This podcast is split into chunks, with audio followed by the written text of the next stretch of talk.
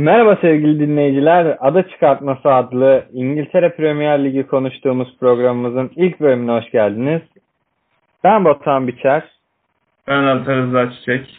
Öncelikle bu hafta oynanan mücadelelerin derin bir analizi olmasa da üstün körü bir analizini yaptıktan sonra takımlar hakkında fikirlerimizi beyan edip gelecek hafta maçlarını yorumlamayı planlıyoruz. Birinci hafta müsabakalarından öncelikle Fulham Arsenal müsabakasını inceleyerek başlıyoruz programımıza. 3-0'lık bir Arsenal galibiyeti. Net bir galibiyet. Ee, Arsenal sana umut verdi mi Ata? Bana verdi yani geçen sene geçen yıl, yılın başından itibaren diyelim Arteta'nın gelmesiyle birlikte takım hem oyun olarak hem de o çok eleştirilen savunma bir çıkış göstermeye başladı. E zaten bunun ekmeğinde e, iki ayda aldıkları iki kupayla FA Cup ve Community Shield'da bence gösterdiler. Bu konuda iyi gidiyorlar. Bu sezon daha hızlı ataklara çıkıyorlar. Defansif aksiyonları daha hızlı verebiliyorlar. Gördüğüm kadarıyla.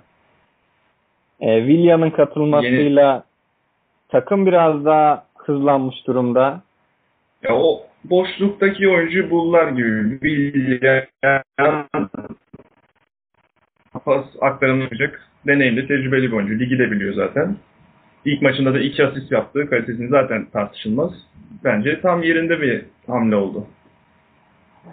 Aubameyang Lacazette ikilisinden bu kadar senedir top class bir verim alamamış Arsenal'ın eksik noktası belki o hücumun üçüncüsü olarak Willian olabilir.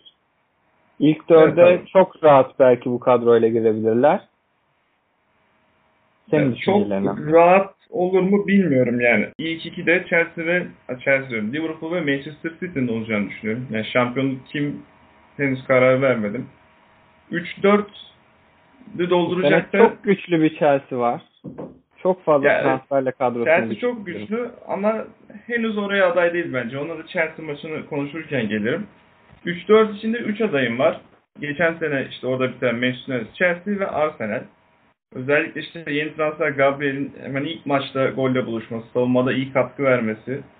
Bence Arsenal e, yavaş yavaş o eski günlerini dönmese oraya doğru bir adım atmaya başladı. Özellikle Arteta yani Emery'den sonra Arteta ne yapmak istediğini, ne oynamak istediğini çok iyi biliyor.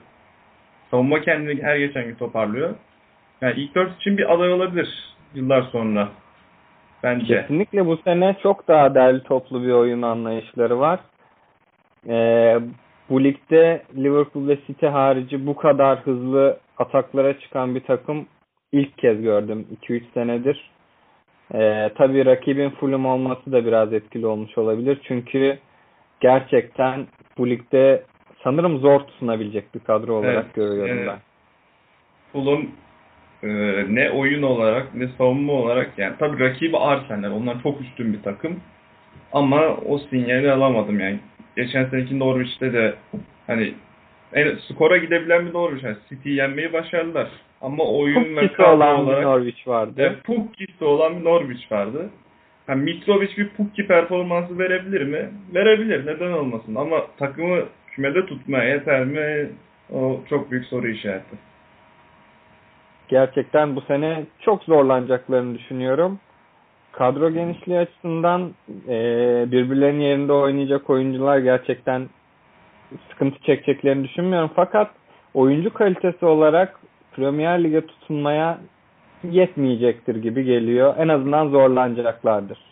Galatasaray'ı şampiyonluğa taşıyamayan ikili seri velimine bakalım Fulham'ı kümede tutabilecekler mi? İlk maç yoktular ama Evet evet. Ee, bu orta saha ikilisini Galatasaray taraftarı bu sene yine çok görmek istedi.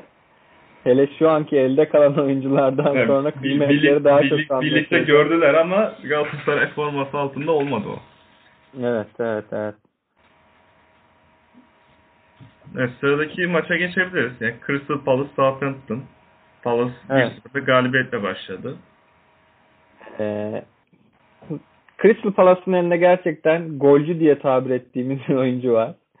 Zaha gerçekten müthiş bir golcü benim için. Golcü, topçu ne dersek Hilmer tak, tak, terime konuşamadım. Terime uyuyor. golcü sıfatını hak ediyor. Hak ediyor. Ceza sahası içinde, çizgisinde. Ne şekilde buluşursa buluşsun onun için tehlike, rakipler için tehlike oluşturuyor. Hızlı ataklarda gerçekten çok iyi çıkıyor ki offside olduğu tartışılan attığı bir gol var. Townsend taşıyıp Zaha'dan gol beklemekle nereye kadar gidebilir tabii Crystal Palace soru işareti. Roy atsın takımı neticede. O yüzden çok da bir şey beklemiyoruz. Yani %29 topla oynayarak gelen bir galibiyet var. Ama alıştık artık Palace'ın bu oyununa. Ligde de duruyor, tutunuyorlar. Ee, kaleci Huayta'nın performansı da çok üst düzeydi. Gerçekten Evet. Guaita güven verdi yine kalede. Peki şunu soracağım. Sence Wilfried övüyoruz, beğeniyoruz ama sence Zaha bir top altı oyuncusu mudur? Yani Manchester United, Chelsea gibi bir takımda iş yapabilir mi? e, geçen sene genç Temi Abraham'ın bile kısıtlı kadro kalitesi olan Chelsea'de neler yaptığını gördük. Ki bence son vuruş olarak ve e, hızlı ataklara çıkma ve fiziğini gerçekten çok iyi kullandığını düşünürsek Zaha'nın ben olabileceğini düşünüyorum. Şampiyonluğa oynayan bir takımda forvet olarak, birinci forvet olarak düşünür müyüm? Çekinirim ama Leicester City'nin Wardy ile şampiyon olduğunu da unutmamak gerekiyor. Yani ya sadece forvet olarak düşünmemek gerekir Zaha aslında. Yani kanatta da oynayabilir. Yani rotasyonun bir parçası olabilir. Ama Zaha'yı gidip de işte şampiyon olacak takımın direkt ilk 11'e monte eder miyim? San, zannetmiyorum ben de yani. O takımda oynayabilir ama ilk 11'in değişilmez ismi olamaz. Eğer ki bir forvet arıyorsanız ilk yaz ilk yazacağım isim olmaz ama Zaha elimde varsa ve başka bir forvet alamıyorsam da sıkıntı çekeceğim. Çok düşünmüyorum. Aynen öyle. Peki Southampton tarafına döndüğümüzde gerçekten Southampton yine bu ligde kalmayı başarır. Dennings geçen sezon muazzam bir performans gösterdi. Yani bu adama 22 milyon verilir mi tartışmalarını attığı gollerle bitirdi. Ben yine ligde kalacaklarını, orta sıralarda bitireceğini düşünüyorum Southampton'ın. ben de bu sene düşme korkusu çok yaşayacaklarını düşünmüyorum. Son haftalarda puan tablosuna baktığımızda belki aşağılarda olabilirler. Ama o tehlikeyi çok fazla yaşayacakları nedense gözümün önüne gelmiyor. Katılıyorum. O zaman üçüncü maçımıza geçiyoruz. West Brom Leicester 3-0'lık bir Leicester galibiyeti. Golsüz bir ilk yarı. Harvey Barnes performansı. Wardy'nin 100. golü. Evet, Wardy atmaya devam ediyor. Penaltı da olsa bir şekilde gole gidiyor. Ben Leicester için kolay bir sınavdı bence. West Bromwich'te Fulham'da bahsettiğim şeyler var. Yine savunma ve oyun olarak Premier Lig standartında değil gibiler. Yani gelişebilir bu iki takımda ama bence işte yükseldikleri gibi düşecekler gibi duruyor. Kesin bir şey söylemek şu an tabii sezonun başındayız. Zorlu bir dönemden geçiyoruz. Korona döneminde E. Ee, sezon içinde e, pozitif çıkan oyuncular olduğunda yerine oynayacak oyuncu olması çok önemli bu sene. Şişkin kadro diye baktığımız kadrolar belki çok çok avantajlı olacak ki yerine oynatacakları oyuncular da onlar kadar kaliteli olması gerekiyor. Bu konuda e, West Brom'un zorlanacağını düşünüyorum. Kesinlikle yani. Ha gelişebilirler mi? Gelişebilirler. Transfer dönemi bitmesine daha var ama işleri zor görünüyor. Kesinlikle, kesinlikle. Bir de Leicester tarafına baktığımızda Çağlar'ın yanına giden evlat kategorisinden Ha, Cengiz'i Cengiz'in de izleyeceğiz bu sene. Bence çok yerinde bir transfer. Yani kanatlarda problem yaşıyorlardı. Cengiz'in de oynamaya ihtiyacı vardı Euro 2021 öncesi. Bence iki taraf için de iyi bir hamle. Cengiz'in Premier Lig'e girişi açısından Leicester'la girişiyle ilgili ne söyleyebilirsin? Bence, Premier do- Lig'e girmesi gereken takım Leicester mı olmalıydı? bence doğru bir takım. Yani orayı yabancılık çekmeyecektir. Zaten Çağlar var. Brandon Rodgers genç oyuncuları seven bir hoca. Ee, Leicester'ın kanat problemi de var. Forma şansı da bulacaktır. Bence doğru bir takım. Gençlere forma şansı vermesi açısından gerçekten Brandon Rodgers altında iyi bir sene geçireceğini düşünüyorum. Hatta seneye eee bonservisini almak için girişimde de bulunacaklarını düşünüyorum. Zorun, zorunlu opsiyondu sanırım opsiyonu 25 milyonluk. Da tam emin değilim onu. Resmi açıklanmadığı için çok bilmiyorum. Evet evet detayları beklemek zorundayız. E, solda ters ayaklı olarak oynayabilir. Sağda Ayoze Perez'in yerine oynayabilir ki Ayoze Perez'in çok fazla inişli çıkışlı bir grafiği olmasa da üst düzey performans gösterdiği maçlar ve orta düzey performans gösterdiği maçlar var. Cengiz iyi bir alternatif olacaktır kanatlarda. Yani Leicester için muhtemelen transfer daha bitmez. Çünkü Chilwell'i doldurmadılar. Muhtemelen oraya bir Ajax'tan Tagliafico hamlesi gelecek. Eksikleri de var. Yapmaları gerek. Evans sakat, Ferreira sakat. Yani Ndidi stoper oynamak zorunda kaldı. Evet evet kesinlikle. Ee, normalde olduğu gibi bir tatil, uzun bir tatil dönemi de yapmadılar. Ee, Leicester'ın birkaç hamle daha yapması gerekiyor ve bence e, bu sezon da ilk dörtte bitiremeyecekler. Biraz kendi elleriyle verdiler ilk dördü geçen sezon. Bu sezonda e, zor görünüyor. Geçen sene o momentumu yakaladıktan sonra koruyamayan bir Leicester City vardı. Bu sene o momentumu yakalayabileceklerinden biraz şüpheliyim. Katılıyorum. Ama zevk veren bir futbol oynayacaklardır. Hele bizim için Çağlar ve Cengiz'i izlemek Leicester maçları Lejyonerleri takip edeceğiz. olacaktır. Evet. Diğer bir maça geçiyoruz şimdi. Tottenham Everton maçı. Tottenham Everton 1-0 Everton galibiyetiyle bitti. Yani İlginç bir maçtı. Bence haftanın beklenen maçıydı. Yani Carlo Ancelotti ile Mourinho'yu karşı karşıya geçen maç ve Ancelotti galip çıktı. Bu sene, bu hafta eee fikstürden bir maç izleme şansım olsa sadece bunu izlerdim sanırım. Gerçekten Mourinho hocanın bu seneki performansını dört gözle bekliyoruz. Yani Uzun ben süredir başarılı olamayan bir Mourinho. ben Tottenham'ı beğenmedim açıkçası. Yani Everton orta sahada sürklase etti. Özellikle alan, yeni transfer alan muazzam bir maç çıkardı. Eee Richarlison'un kaçan golü var. Evet, Boş yani- kaleye Onu atsa belki ilk yarıda bitireceklerdi maçı. farka gidebilirdi kesinlikle. Ben, yani Tottenham'ın hatırladığım bir pozisyonu var sanırım. Gol çok yaklaştı. O da Kane'in aşırtma pasında Doherty'nin şutuydu. Onun dışında Tottenham'ın net bir pozisyonu hatırlamıyorum. Maç tamamen Everton kontrolünde. Everton istediği gibi gitti. Ve sonucu da aldılar. Transferler de beğenildi. Doucouré de iyi performans gösterdi. James Rodriguez biraz aksadı ama Ancelotti altında yıldızı parladı, parlıyor her zaman. Yine bir yolunu bulacak gibi duruyor. James Rodriguez'in ligi olarak Premier Lig diyebilirim. Çünkü gerçekten Premier Lig kalitesine çok yakıştırdığım bir oyuncu. Performans kaybı olsa da. Bu lig onun için yeniden bir e, parlama şansı olacaktır. Daha 29 yaşında. Ve Ha. neden olmasın? Ve Ancelotti'yi seviyor. Ancelotti de onu seviyor. Kesinlikle. Tottenham Peki- tarafı da e, Gareth Bale'i geri getirecek muhtemelen. Yani artık konuşmalar iyice ilerlemiş. Sergio Reguilon'la birlikte Gareth Bale transferleri yapılacak. Mourinho kadroyu derinleştirmek istiyor. Maçtan sonra da işte biraz şikayetçiydi bu yoğun fikstürden.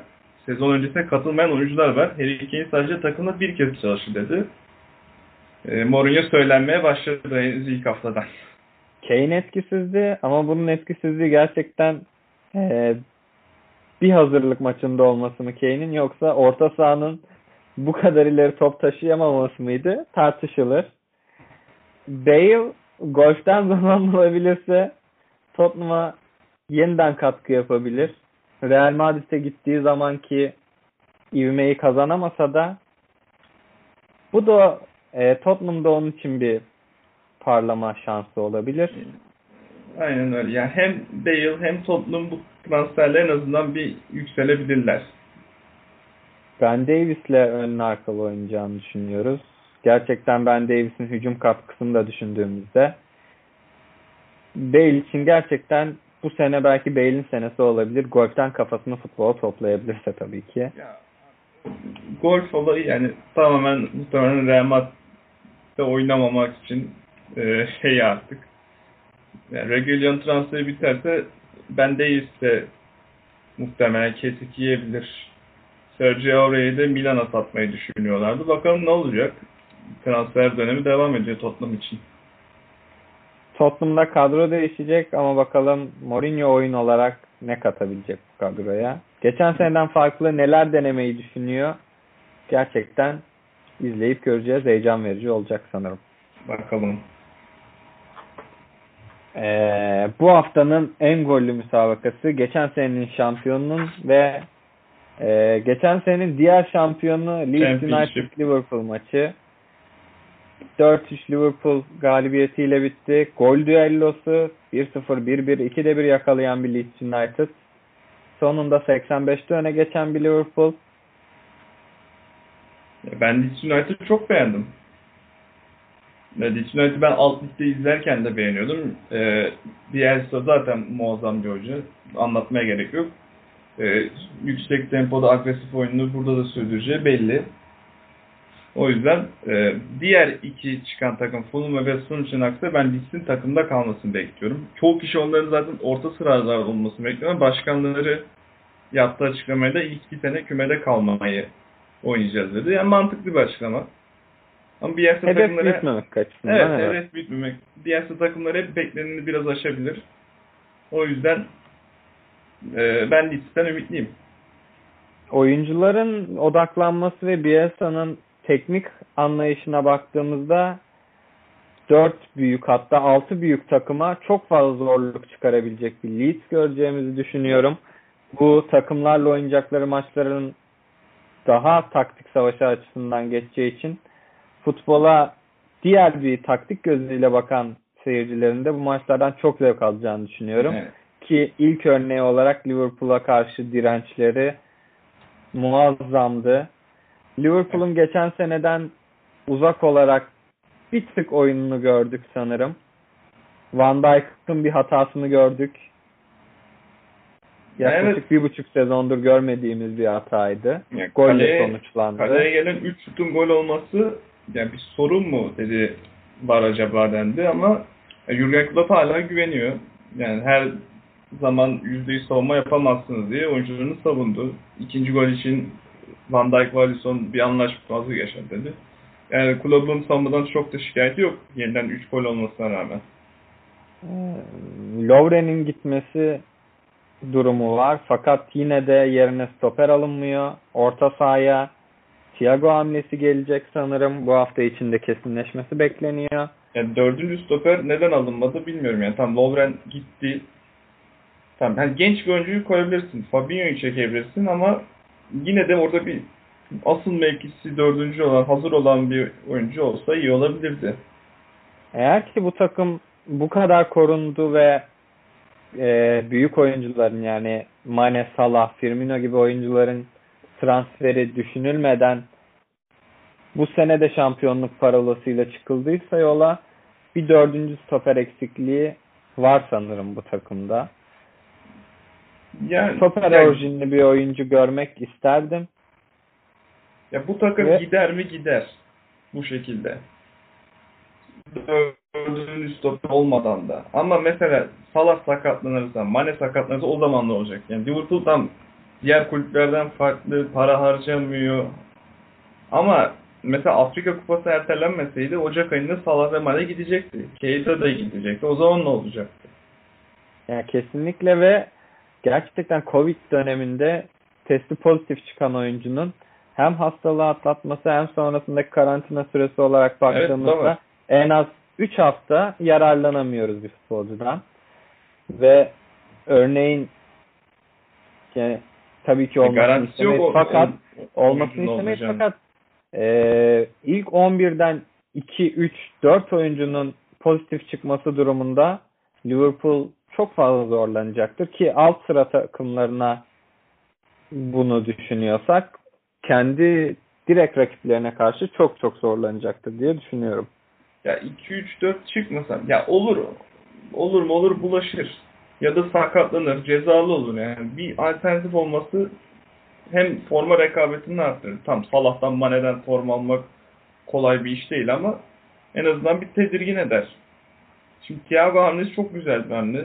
Orta sahaya çok iyi bir yaratıcılık katar. Biraz gecikmiş bir hamle. Yani bir ay önce de bitirebilirlerdi Şampiyonlar Ligi finalinden sonra ama bi- bitirdiler en azından transferi. O yüzden en azından iki transfer yapan Liverpool'u tebrik ediyorum buradan. Ki Liverpool taraftarının Şampiyonlar Ligi şampiyonu olduk. Premier Lig şampiyonu olduk. Hala transfer yapamıyoruz. Alt sıra takımları 25-30 milyon bir oyuncuya verirken biz hala 1 milyon euroya oyuncu bulma derdindeyiz diye yakındıklarını Twitter'dan Biraz şey, görüyoruz. reforman paralar nerede muhabbetine dönmeye başladı olay. kesinlikle, kesinlikle. Taraftar transfer istiyor. Yönetimden şu an hala tık yok. En azından Thiago biraz o sesleri kesecektir. Evet, kesinlikle. Fakat bir hücumcu lazım diye düşünüyorum. Evet. Leeds United'ın da bu ligde sıkıntı çekmeyeceğini düşünmekteyim. Diğer maçımıza geçebiliriz buradan. Sheffield United Wolverhampton. Sheffield geçen senenin bomba takımı. Wolves da gayet iyi bir sezon geçirmişti. Ee, ama maç biraz erken koptu. Yani 10 dakikada 2 golle Wolves işi bitirdi. Ee, Sheffield'ın ben geçen seneki performansı çok beğendim. Herkes beğeniyor. Da çok iyi performans gösterdi. Bu sene de o performans taşıyacaktır. Ama geçen seneki gibi yüksek sırada olmasını beklemiyorum. Ama bu Sheffield'dan dolayı değil yani. Arsenal, Tottenham, Everton'ın toparlanıp Sheffield'a geçeceğini düşünüyorum. Biraz geçen sene bu üç takım düşüşüyle de yüksek sırada bitirdiler. O yüzden ben öyle düşünüyorum. Sheffield geçen sene sürpriz denecek bir performans gösterdi. Onlar da arkasına bir momentum alıp sonuna doğru biraz daha koruyamayan takımlardan.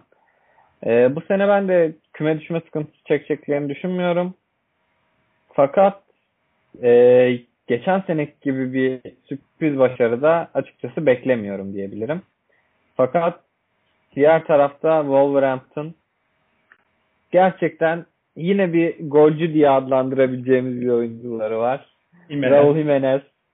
Gerçekten müthiş tam anlamıyla bir golcü. Kontrol, son vuruş, fizik.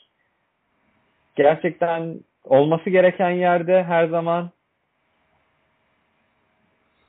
Onlardan da bu sene belki Şampiyonlar Ligi'ni zorlayabilirler mi diye düşünüyorum. Zor ama benim için sürpriz olmaz. Yani ilk dört adayı zorlar bence.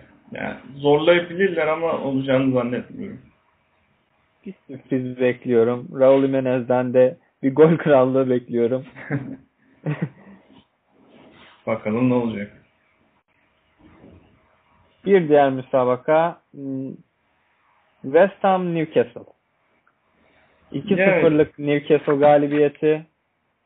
İlk yarı golsüz bir mücadele. Evet, bu maçta e, Newcastle daha iyi gözüktü. E, West Ham benim düşme adayım. Üçüncü düşme adayım. Fulham'la West Ham'ın işlemesi. Ama West Ham geçen seneden beri düşme adayım benim. Bence geçen sene yırttılar. West Ham yaklaşık 3 senedir bir düşme adayı sanırım. Yani e, bu sene düşeceklerini düşünüyorum. Newcastle için de iyi bir başlangıç oldu. Callum Wilson ve Jeff Hendrick iki yeni transfer. Gollerini attılar. 3 puan aldılar. Yani ben Newcastle için de çok bir şey konuşmaya gerek yok. Yine orta sırada oynayacaklar. West Ham'da yine şanslısı kümeye düşmekten kurtulur. E, 1-0 iken tartışmalı bir penaltı pozisyonu var. West Ham'a çalınabilse bir kola çarpma var. Bence Belki değil ya. farklı olabilirdi. Bir Bence- olsa maçın gidişatı değişebilirdi. Ya evet tabii ama bence pozisyon penaltı değildi. Hendrick'in çok güzel bir golü var. Sol üst köşeye izlemeye Güzel. değer bir goldü. Haftanın gollerinden biriydi bence. Kesinlikle. Haftanın golü müydü yani? Bir Salah'ın golü vardı. Salah'ın golü. diye- diyebileceğimiz. Onu hatırlıyorum. Aa Rhys James'in golü var. Birazdan Aa, evet, maçında konuşacağımız. O da çok muazzam bir vuruştu. Ona geçelim mi? Son maçımız. Evet son maçımız. Brighton Chelsea. 3-1'lik Chelsea galibiyeti. Çok fazla transfer yapmış bir Chelsea. Ama onları da kullanamayan bir Chelsea. Yani kimi sakat, kimi hazır değildi. Evet. Yine Ben Werner ve Havertz'i gördük ama. evet. Werner Premier Lig'e hazır göründü. Bence de hazır göründü. Yani Çok ilk, istekliydi. ilk golde hemen fırsatçını konuşup topu alıp penaltıyı da kazandırdı takımına. Sahanın her tarafındaydı hücumda. Presi çok iyi yaptı. Bence Werner hazır bir yönetici ama Havertz e, çok hazır değildi. Ama beklenen bir şeydi bu. Havertz'in fizik olarak biraz daha Premier Lig'e adapte olması lazım. Biraz silik buldum Havertz'i. Ee, Havertz haricinde diziliş olarak bir farklılık geldi benim gözüme. 4-4-2'ye mi devam edecekler? 4-2-3-1'e mi dönecekler diye çok konuşuldu. Ee, bu maça 4-4-2 ile çıktılar. İleride Werner ve Loftus-Cheek'le. Sen ilerleyen haftalarda ne düşünüyorsun? Ben ilerleyen haftalarda 4-2-3-1'e döneceklerini düşünüyorum. Yani Pulisic ve Ziyech geldikten sonra zaten biraz oyunu dengelemek için o yapıya dönerler. Ama kim oynar, hangi bölgede oynar? Çok alternatifli bir yapı çünkü hücumda. Ondan emin değilim. Loftus Cheek ama e, bu kadro savaşında ilk haftadan çok kötü bir sınav verdi. Bayağı kötüydü. Havertz'ten de kötüydü. Bence Chelsea'nin de sahanın en kötüsüydü. Ki Mason Mount'un da performansını çok fazla etkiledi. Çok ileride Evet. kaldı. Çok iyi hatırlıyorum. 2-3 pozisyonda Kante e, Alonso'ya yardım etmeye geldi. Bildiğimiz Evet. sol ayak oyuncusu gibi, kanat oyuncusu gibi. E, ama değişebilir bir kadro var. Değişebilir bir kadro yapısı var. Çok farklı oyunculardan çok farklı yerlerde verim alabilecek bu sene. Gelecek Chelsea Lampard. için iyi duruyor. Peki Chelsea ilk dört adayımız şu anda diyebiliriz. Benim için ilk Tamam. dört adayı. Şampiyonluğu ilk sene zorlayabileceğini düşünüyor musun? Bu sezon değil yani. Savunmanın hala gelişmesi gerekiyor. Yani Kepa hala büyük soru işareti. Yani el- geçen sene bu takım 59 gol yedi yani. Bir yılda bu savunmayı şampiyon Thiago Silva ve Chilwell'le olacak iş değil o. Yani kalitelerini sorgulamayız ama zor bir iş yani. Chilwell de ofansif bir bek yani. Savunması biraz e, zayıf. Thiago Silva orayı toparlar ama. Ama ne kadar toparlar soru işareti benim için. Ee, alt sıra takımlarına karşı bu savunma dizilişinde çok fazla zorlanacaklarını düşünmüyorum. Ee, kendi direkt rakipleriyle de maçlarında Kepa'nın performansı belki şampiyonluk yoluna gidip gidemeyeceklerini belirleyebilir. Kepa da yani öyle bir performans veriyor ki evet. Yani hiç güven vermiyor. Hiç güven vermiyor. vermiyor. yine ceza sahası dışından gol yedi. Hani çok yapacak bir şey yok. Güzel bir şuttu ama yine yedi yani. Evet. Chelsea bu sene ama oynadığı oyunla taktik olarak eee merak edeceğimiz bir dizilikle gerçekten bu sene izlenesi bir takım oluşturacaktır. Ben Diğer Brighton'u da beğendim. E, bu 55-60 kadar transfer yapmış, oynadı. bu kadar para harcamış bir Chelsea'ye karşı kesinlikle iyi bir oyundu. Ki yani ilk gelilen golde çok basit bir hata. Yani oyunu orta sahayı kontrol ediyorlardı. İstedikleri pas oyunu yapıyorlardı. Zuma'nın işte golüne bir- biraz şans golü diyebiliriz. Evet o da Evet, bir evet. yani Reece James'in golü. golüne müthiş bir gol diyebiliriz. ilk yarı bir basit hata e, pe- penaltı oldu. Gol yediler. Tam beraberliği buldular. Reece James müthiş bir şut çıkardı. 2-1 oldu. E, sonra bir de kaleci kontrpede kalan Zuma'nın vuruşunda 3-1 oldu ve fişçekler. Bir de 40. dakikada Lallana sakatlandı. Bence çok iyi bir maç çıkartıyordu. Yani Brighton için şanssız bir maçtı ama iyi bir provaydı. Özellikle ilk 55-60 çok iyi provaydı. Evet. İlk dörde oynayacak takımlara karşı çok fazla diş geçirebileceklerini düşünmüyorum. İlk hafta Chelsea'nin biraz da toyluğuna geldiklerini söyleyebilirsek kendi rakiplerine karşı e, güzel maçlar seyrettireceklerdi bize. Evet ilginç bir takım. Yani Graham Potter iyi bir takım ortaya çıkartabiliyor. Evet sonuna geldik artık. Evet. Birkaç notumuz var haftayla ilgili. Onları ben paylaşayım. Ee, Jamie Ward ve Fernando Torres Premier Lig'de aynı sayıda maça ulaştılar. Bu süreçte Ward 105 gol attı. Fernando Torres 85 gol atabildi. Muhammed Salah üst üste 4 yıl açılış maçında gol atan ilk Liverpool oyuncusu oldu. Aynı zamanda Salah'ın attığı 35 maçta Liverpool son 35 maçta gol attı. Galibiyeti almayı başardı. Bunlar da haftanın köşe notlarıydı. İstediği kadar Salah gol atsın. Bu sene Mane'nin katkısına çok fazla ihtiyaçları olacaktır. Geçen senenin süperstarı benim için Mane'ydi. Bu sene de yükselen bir performans bekliyorum. Yani evet. Bakalım nasıl olacak. Evet. Haftaya ikinci hafta müsabakalarını yorumlamak üzere yeniden Ada Çıkartması adlı programımızda görüşmek üzere. İyi günler. Görüşmek üzere. iyi günler.